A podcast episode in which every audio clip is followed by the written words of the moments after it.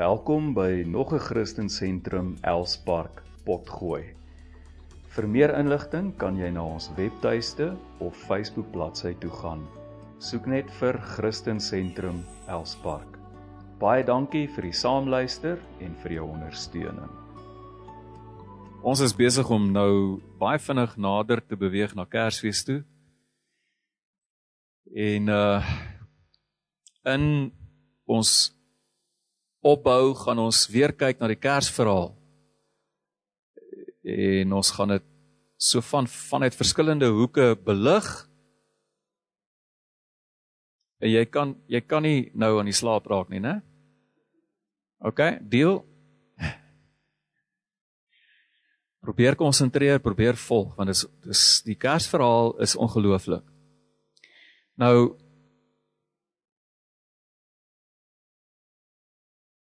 God het 'n belofte gemaak aan koning Dawid. Nou hy het vir hom gesê dat daar altyd een van jou seuns, 'n seun van Dawid op die troon van Juda sal sit. Koning sal wees van Israel. 'n Seun van Dawid. En dan kry ons die lang periode tussen die twee testamente, tussen die Ou Testament en die Nuwe Testament, ongeveer 400 jaar.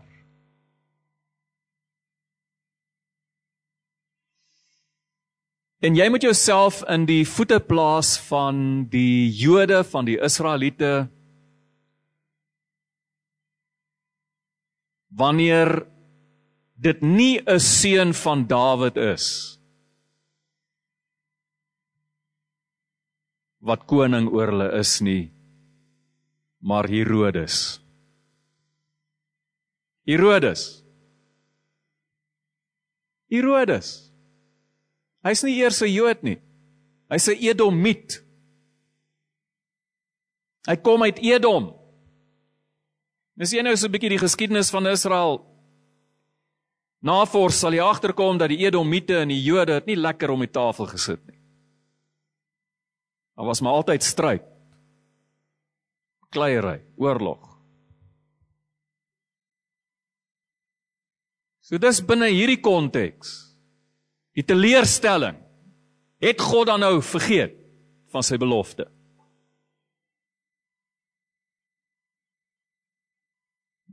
Ek wil amper sê dis op 'n laagtepunt. 'n Laagtepunt.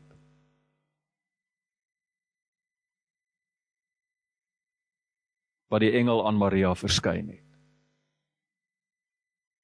Net 'n ander punt. Daar's van jou skooliere, teoloë, mense wat sogenaamd geleerd is wat beweer dat die Kersverhaal ontleen is aan heidense mitologiese verhale wat die omloop gedoen het in Jesus se tyd of in daardie tyd. Dit kan nie verder van die waarheid af wees nie. Die kontinuïteit tussen die Ou Testament en die Nuwe Testament is ongelooflik. En jy kom baie sterk agter as jy die Ou Testament ken, verstaan dat die maagtelike geboorte van Jesus nie vanuit die mitologie van die volke rondom Israel kom nie, maar dat daar 'n sterk tradisie vanuit die Ou Testament uit is wat uiteindelik uitvloei op die aankondiging van die geboorte van Jesus vanuit 'n maagd. So vergeet daai storie as jy dit al ooit gehoor het, dis nie die waarheid nie. Ons het te doen met die kontinuïteit tussen die Ou Testament en die Nuwe Testament. So kom ons lees vandag Lukas 1 vanaf vers 26 tot 31 en ons praat so 'n bietjie oor 'n verhaal van groot blydskap. Groot blydskap. Lukas 1 vers 26 tot 31 en ook 34 tot 35. In die 6de maand. Watter wat beteken daai 6de maand? Sesde maand nadat die engel Johannes die Doper se geboorte aangekondig het. Met ander woorde Maria se familielid Elisabet Terloops is interessant dat Elisabet kom uit die nageslag van Aaron, die hoëpriester se nageslag. Elisabet wat geboorte geskenk het aan Jesus se familielid Johannes die Doper kom uit die nageslag van Aaron, die hoëpriester. Sy kom uit 'n hoëpriesterlike familie en sy's familie van Maria, so Maria kom ook uit 'n hoëpriesterlike familie, stem jy saam? So 6 maande nadat Johannes die Doper se geboorte aangekondig word aan Sagarias sy pa in die tempel en Elisabet swanger word. In die 6ste maand is die engel Gabriël deur God gestuur na Nasaret, 'n dorp in Galilea, na 'n maagd. Ja, 'n maagd wat verloof was aan 'n man met die naam Josef uit die nageslag van Dawid. Die maagd se naam was Maria. Die engel het na haar gegaan en gesê: "Gegroet." En hierdie moet julle as jy 'n pen het onderstreep: "Gegroet, begenadigde vrou. Die Here is met jou." En hier gaan ons die kontinuïteit tussen die Ou Testament en die Nuwe Testament sien. Ek gaan dit vir julle wys. Die engel het na haar gegaan en gesê: "Gegroet, begenadigde vrou, die Here is met jou. Nou sy was verward oor die woorde en het gewonder wat hierdie groet tog kon beteken.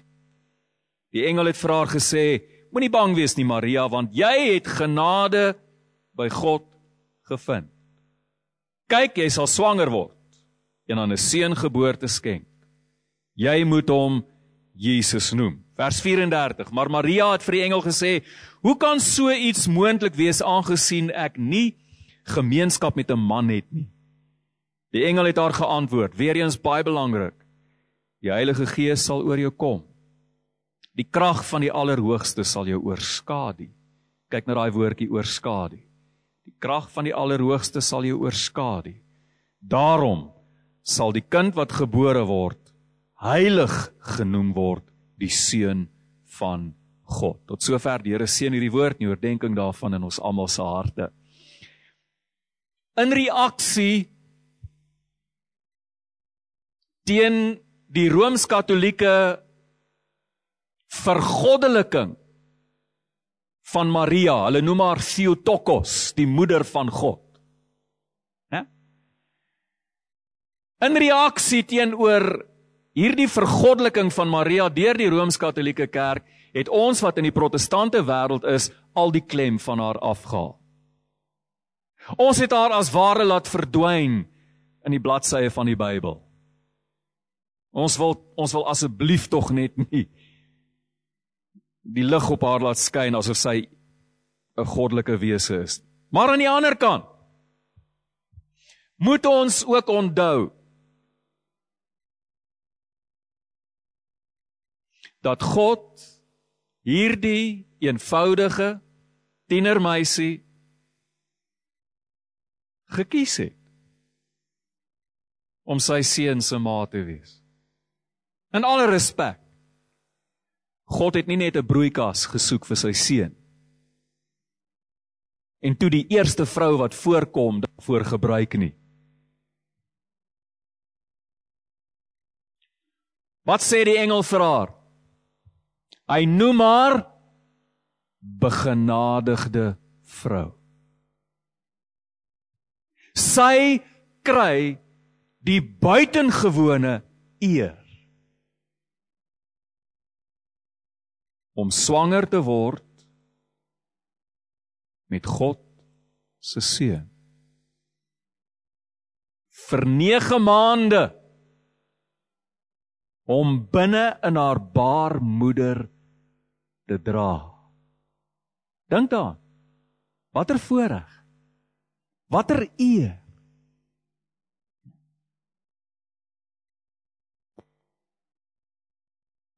Watter ma sal nie bevoorreg voel, geëer voel as jy geboorte skenk aan 'n kind wat eendag die president van die FSA is? Wat 'n eer. Maar hier het ons te doen met 'n ma wat geboorte skenk aan niks minder, niemand minder as die seun van God nie. Wat 'n voorreg. 9 maande dra sy hom in haar baar moeder.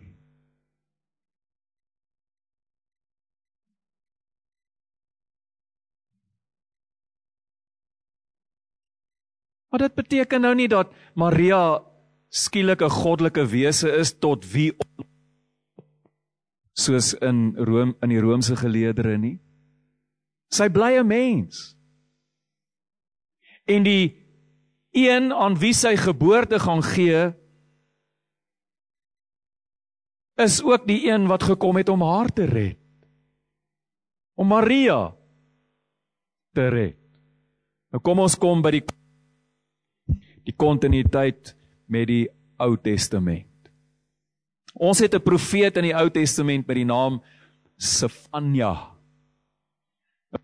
Sefanja het hier rondom 300 uh, 600 tot 630 voor Christus het hy geprofeteer.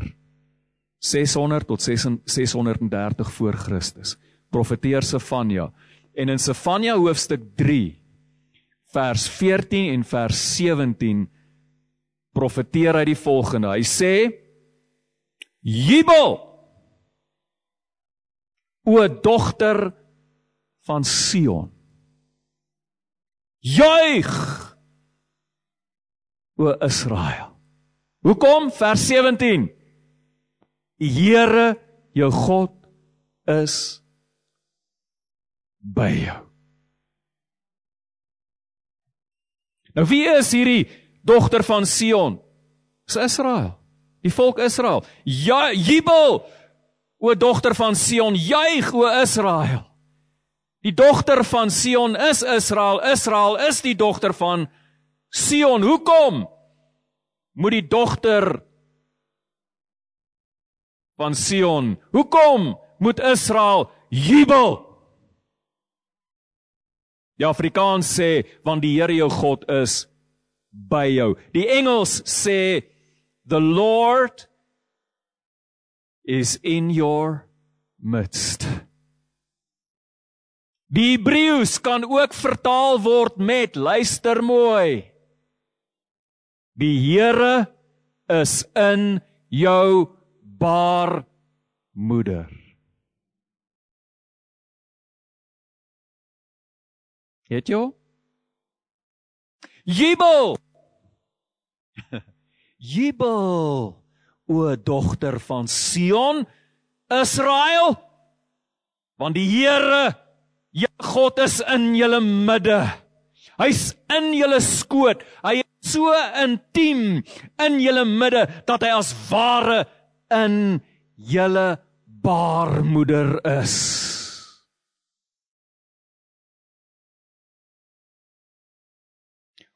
Seshonderd jaar later word hierdie profesie in Lukas op 'n verrassende manier vervul. Want hier verskyn die dogter van Sion in die persoon van Maria. Ja, die hele geskiedenis van Israel, die dogter van Sion, die hele geskiedenis van Israel kulmineer en loop uit in hierdie een dogter van Sion, naamlik Maria.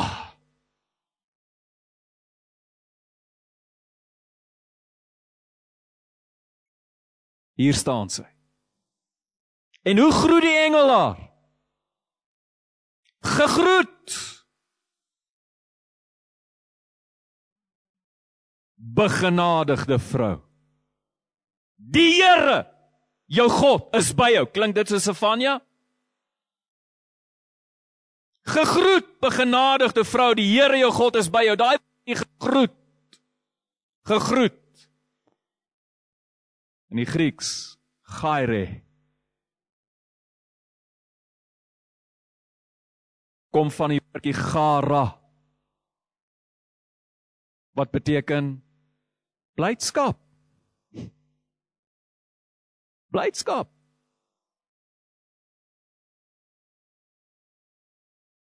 Die Jode het mekaar gewoonlik gegroet met Shalom in Hebreëus, né? Shalom, vrede vir jou. Vrede. As hulle mekaar groet dan sê hulle Shalom, wat beteken vrede. Maar die engel groet haar nie so nie. Die engel groet haar in Grieks. Die wêreldtaal. Ja, Jesus het nie uitgekom vir die Jode nie, hy het vir die hele wêreld gekom. Hy groet haar in Grieks in die wêreldtaal.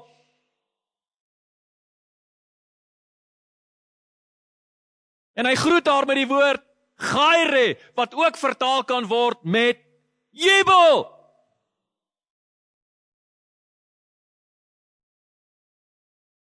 So hy kom, die engel kom en hy groet haar nie met Shalom nie. Hy groet haar met die woord jubel.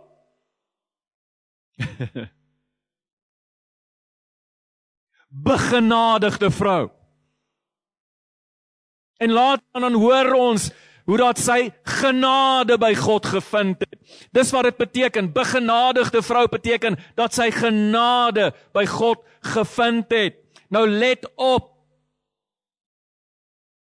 Die Griekse woord vir blydskap en die Griekse woord vir genade is baie dieselfde.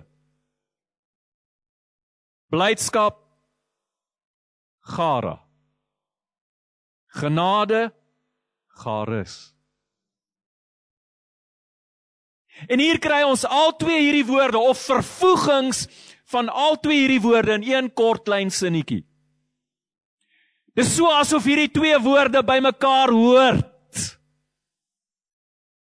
Om te jubel en genade.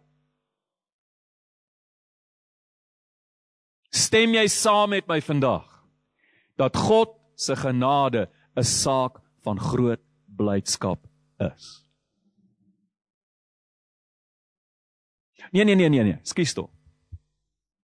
Mm. -mm, mm nee nee nee, God se genade maak ons nie bly nie. No no no. Wat is bly? Ek gaan vir julle wys op my gesig hoe lyk bly. OK, dis hoe bly lyk. Nee nee nee. God se genade maak ons nie bly nie. God se genade laat ons jubel.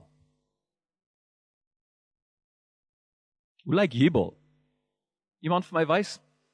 Is daar iemand wat vir my wil wys? Kom tannie Jackie, kyk almal vir tannie Jackie, staan op. Staan gou op. Wys vir ons hoe lyk jubel. Ja.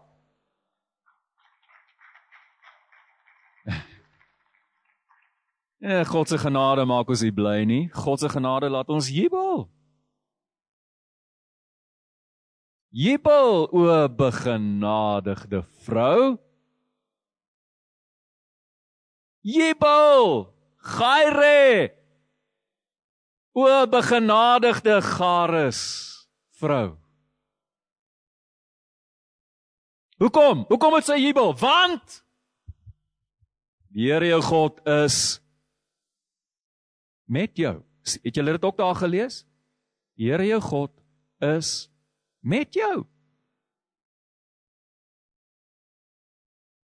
Nou in die Ou Testament het God in die midde van sy volk gewoon. Waar het hy gewoon? In die allerheiligste van die tempel in Jerusalem.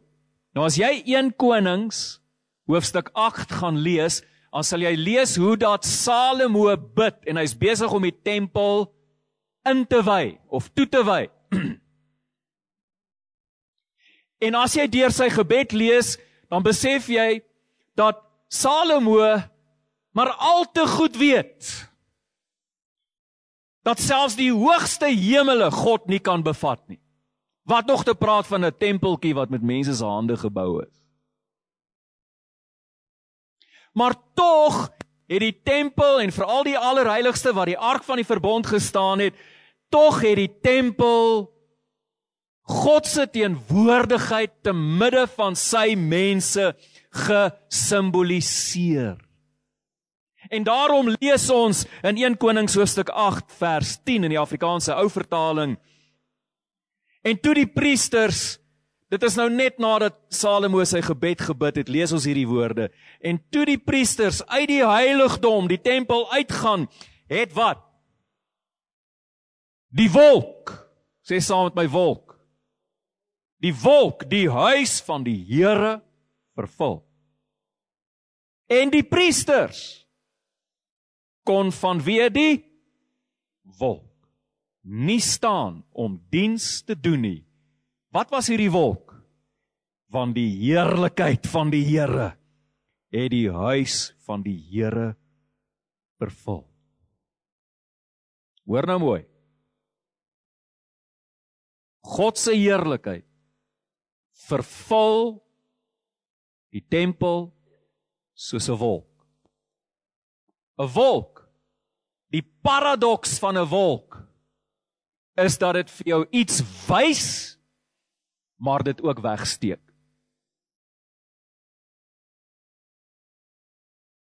'n Wolk wys vir jou daar's reën, maar jy kan nie die reën sien nie.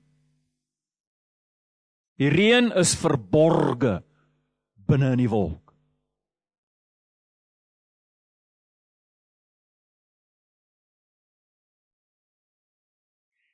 Die wolk wat die tempel gevul het, het gewys het geopenbaar, het gewys dat God teenwoordig is. Dat hy daar is. Maar dit het terselfdertyd ook sy teenwoordigheid verberg. Mense wanneer God werk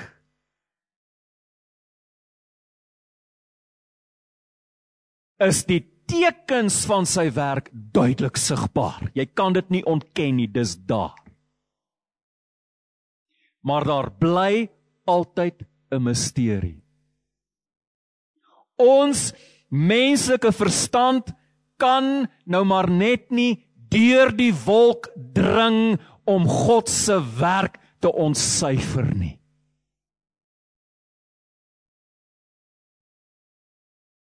God werk en jy kan dit sien, maar daar's altyd 'n misterie. En nou wil Maria weet van die engel groet haar. En die engel sê vir haar jy gaan swanger word, maar sy sê maagd.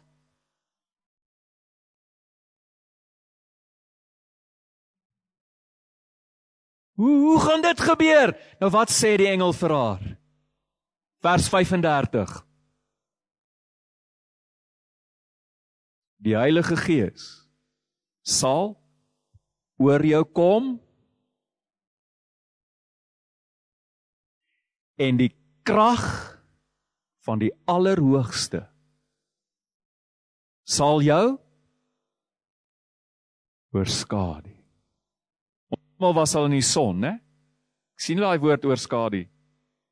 Ons almal was al in die son. Die son bak neer op ons en jy sweet, jy kry warm en dan skuif daar 'n donker wolk voor die son in. En wat gebeur? Ek word deur die wolk oorskadu. Hier kry ons vir Maria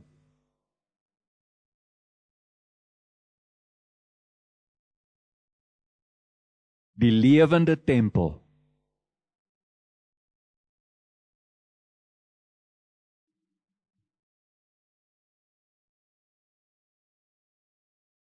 en God se teenwoordigheid. Die Almagtige. Die krag van die Almagtige wat haar soos 'n wolk oorskadu. En sy word die plek waar God is. Sy word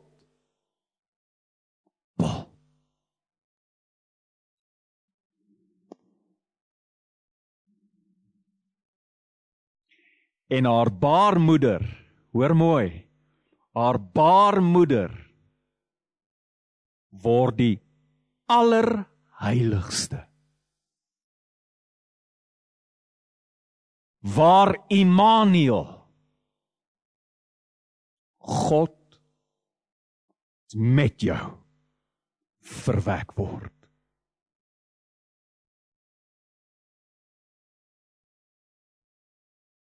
Hoor nou weer die profesie. Jubel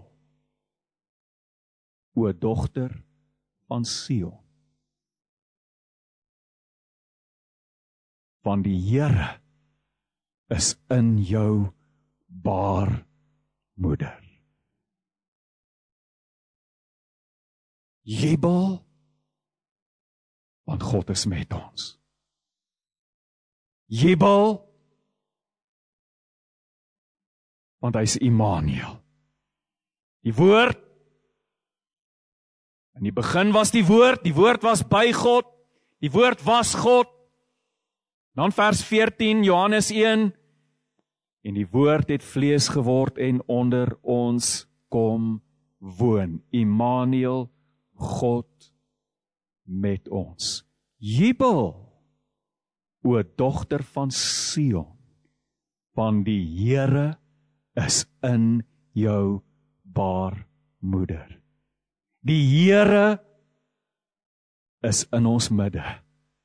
Die Here is onder ons. Mense, die evangelie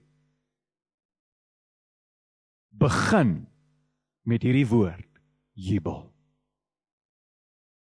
Dis die begin van die Nuwe Testament. Die begin van die Nuwe Testament is hierdie woord jubel.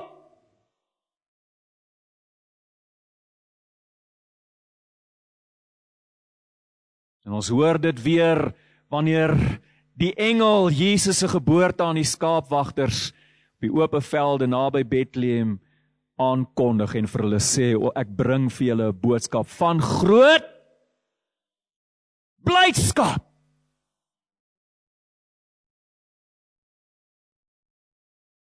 En ons hoor hierdie blydskap weer wanneer Jesus uit die dood uit opstaan. Dan kry ons weer hierdie woordjie gara. Blydskap. Die hele evangelie van begin tot einde is 'n teologie van blydskap. Want God ons kom woon. Dis die verhaal van Kersfees dis 'n verhaal van groot blydskap mense Ons het 'n baie moeilike jaar agter die rug en dit is waarmee ek wil afsluit. Moeilik. Morbied. Mense het hulle werke verloor, besighede toegemaak. Ek hoef nie vir julle te vertel van hoeveel mense gesterf het nie. Ons het in ons gemeente omtrent 16 mense deur die dood verloor. Dis van die ma's wat hier sit, pa's wat kinders begrawe het. Daar was 'n tyd hierdie jaar wat ek gevoel het ek word omring deur die dood. Dit was donker, dit was depressief. Dit het my neergedruk. Ek weet nie of dit jou neergedruk het nie, dit het my neergedruk.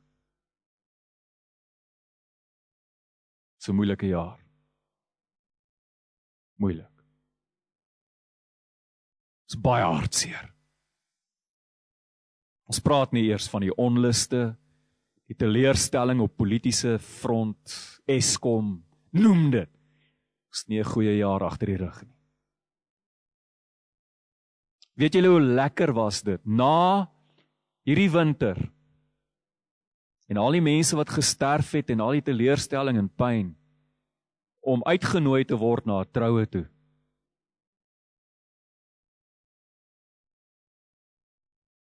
En om na die troue aan te sit aan 'n tafel te deel in mense se blydskap en fees te vier.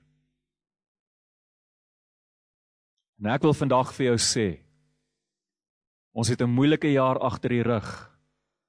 Maar die Kersverhaal nooi ons uit na die bruilof toe. Die Kersverhaal sê vir ons jubel. Is dit nie wonderlik dat ons hierdie jaar kan eindig met hierdie boodskap? Jubel. Want die Here, julle God, is met julle.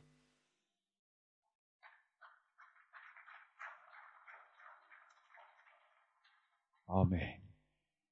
En hierdie gemeente gaan eindig deur fees te vier. Ons gaan eindig deur te jubel. Ons gaan en hierdie jaar van ons afskud en sê die heiland is gebore. En al die donker en die diepte en die dood en die seer kan nie een titel daarvan verander dat God in Christus onder ons kom woon het en dat Jesus gesê het ek is met jou tot aan die volëinding die wêreld nie. Kan ons nie hierdie jaar so eindig nie. Te jubel oor God se groot genade. Amen. Kom ons staan op. Prys die Here. Prys die Here.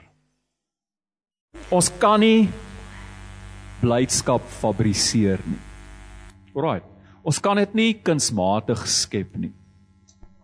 Maar as jy regtig vanmôre gehoor het die Kersverhaal, as jy hom regtig gehoor het, behoort ek en jy te borrel. Ons behoort te borrel.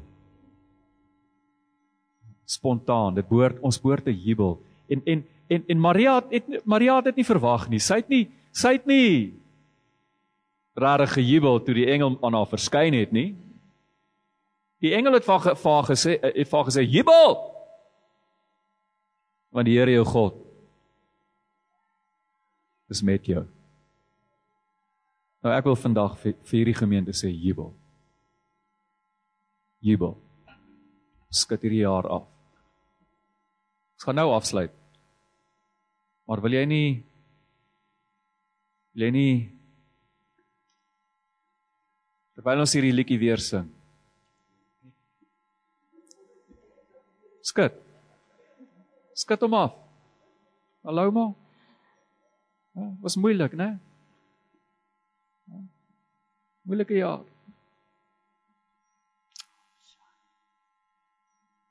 Baie teleurstelling. Skud hom af. Het jy hom? Skud hom af. En dan, soos kom by daai haleluja. Laat dit so bietjie gaan. Laat dit so bietjie gaan. Loof die Here. Goed, ontvang die seën van die Here. Jubel, o dogter van Sion, want die Here, jou God, is by jou. Amen.